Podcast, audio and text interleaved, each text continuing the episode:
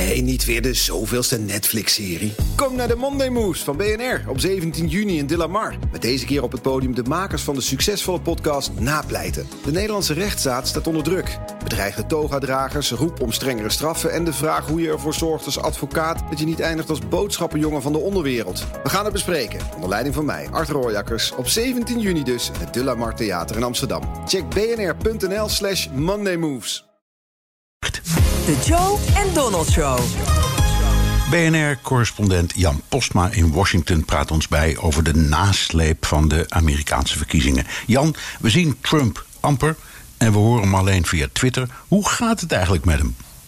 Nou, als je alle bronnen en verhalen naleest, naast elkaar legt, eh, dan hoor je een paar dingen terugkomen. De eerste is, hij is helemaal alleen. Uh, door nieuwe coronabesmettingen in het Witte Huis werkt bijna iedereen thuis. Dus hij zit uh, vaak wel in het Oval Office, maar er is dan niemand. De drukte van normaal, die is er niet. Hij belt veel met vrienden, zoals Sean Hannity van Fox News, Republikeinse gouverneurs. hij werkt niet echt meer. hij heeft geen intelligence briefings bijvoorbeeld meer waar hij naartoe gaat. De, zijn openbare schema waar niet alles op staat, maar waar we een beetje kan zien wat hij allemaal doet. Uh, dat is eigenlijk ook al dagen. En hij kijkt heel veel tv. In dat kleine eetkamertje naast het Oval Office, daar hangt een enorme flatscreen en daar zit hij. En de ene dag zegt hij nog te kunnen winnen, en de volgende dag lijkt hij dan te erkennen dat het toch echt niet meer gaat lukken. En volgens medewerkers lijkt het soms alsof hij vooral voor de bühne nog doorvecht, eh, maar eigenlijk ook wel een uh, beetje beter weet. Maar niemand durft hem uiteindelijk te zeggen: ja, je moet er misschien maar mee ophouden. mensen zijn achter zijn rug om wel cv's aan het updaten. Uh, maar uh, verder blijft het een beetje, een beetje stil. En, en, is het eigenlijk wachten tot de storm Trump uh, een beetje uitgeraasd is. Ja, ja ik, ik hoorde net een heel gek verhaal dat de, de, de HR-manager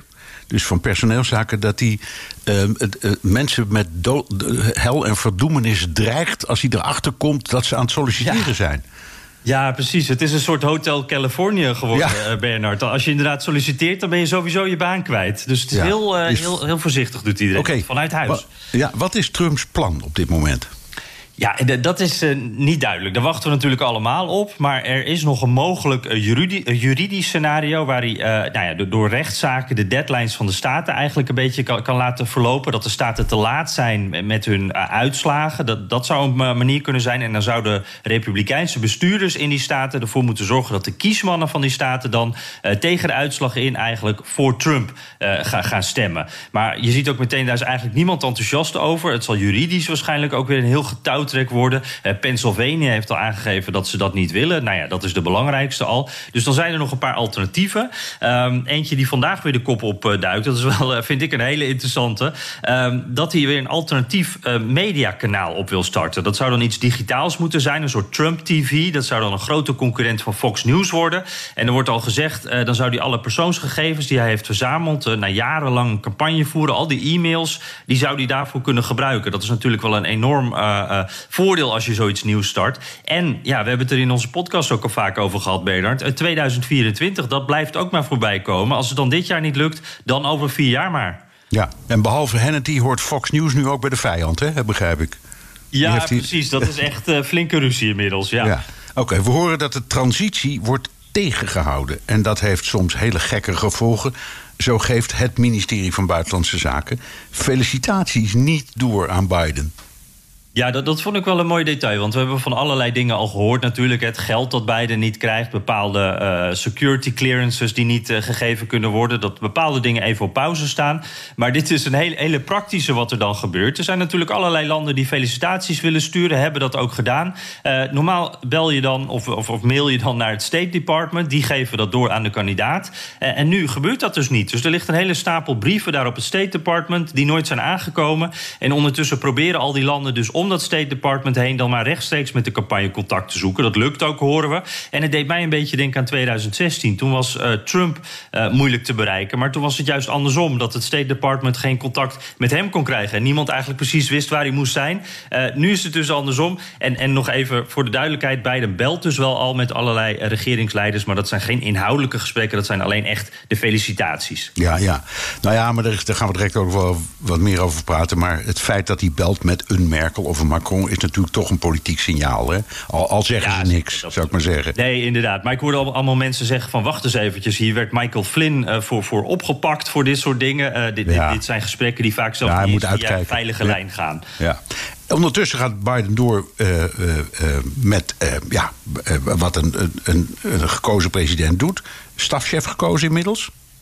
Ja, ja en dat, uh, nou, dat is toch wel weer leuk. Want dat is natuurlijk na de, de, de vicepresident... is dat eigenlijk misschien wel de belangrijkste keuze... die hij uh, die die zo'n beetje kan maken. Uh, dit is de persoon die, die altijd bij hem gaat zijn... die de deur open of dicht doet voor je. Een soort poortwachter. De man die ook de agenda van de president bepaalt. Nou, het is Ron Klein geworden. En dat is dan weer geen verrassing.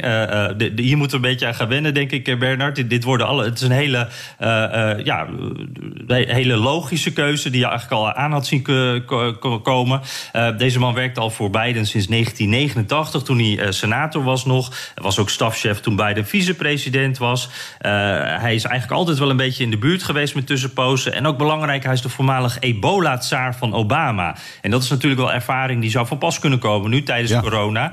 En één dingetje wat dan wel opvalt, want het voelt verder als een perfect huwelijk tussen deze twee. Uh, Biden en Klein die hadden een beetje ruzie toen die Klein uh, wel vrij snel naar de Clinton-campagne vertrok.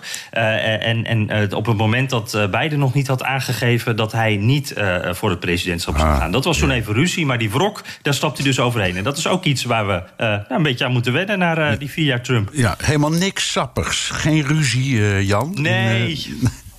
Nee, precies. Dat, dat ene kleine ruzietje, dat is het. En het is dus de kandidaat die iedereen van mijlenver aan zag komen. En nou ja, zal je zien dat deze meneer er ook veel langer zit... dan de stafchefs van uh, Donald Trump. Dus uh, dit zijn nieuwe tijden, Bernard. Ja, nou, dankjewel. Jan Posma, correspondent in Washington. Wilt u meer horen over dat fascinerende land? Luister dan naar de Amerika-podcast van Jan en mij. Net zijn vijftigste aflevering.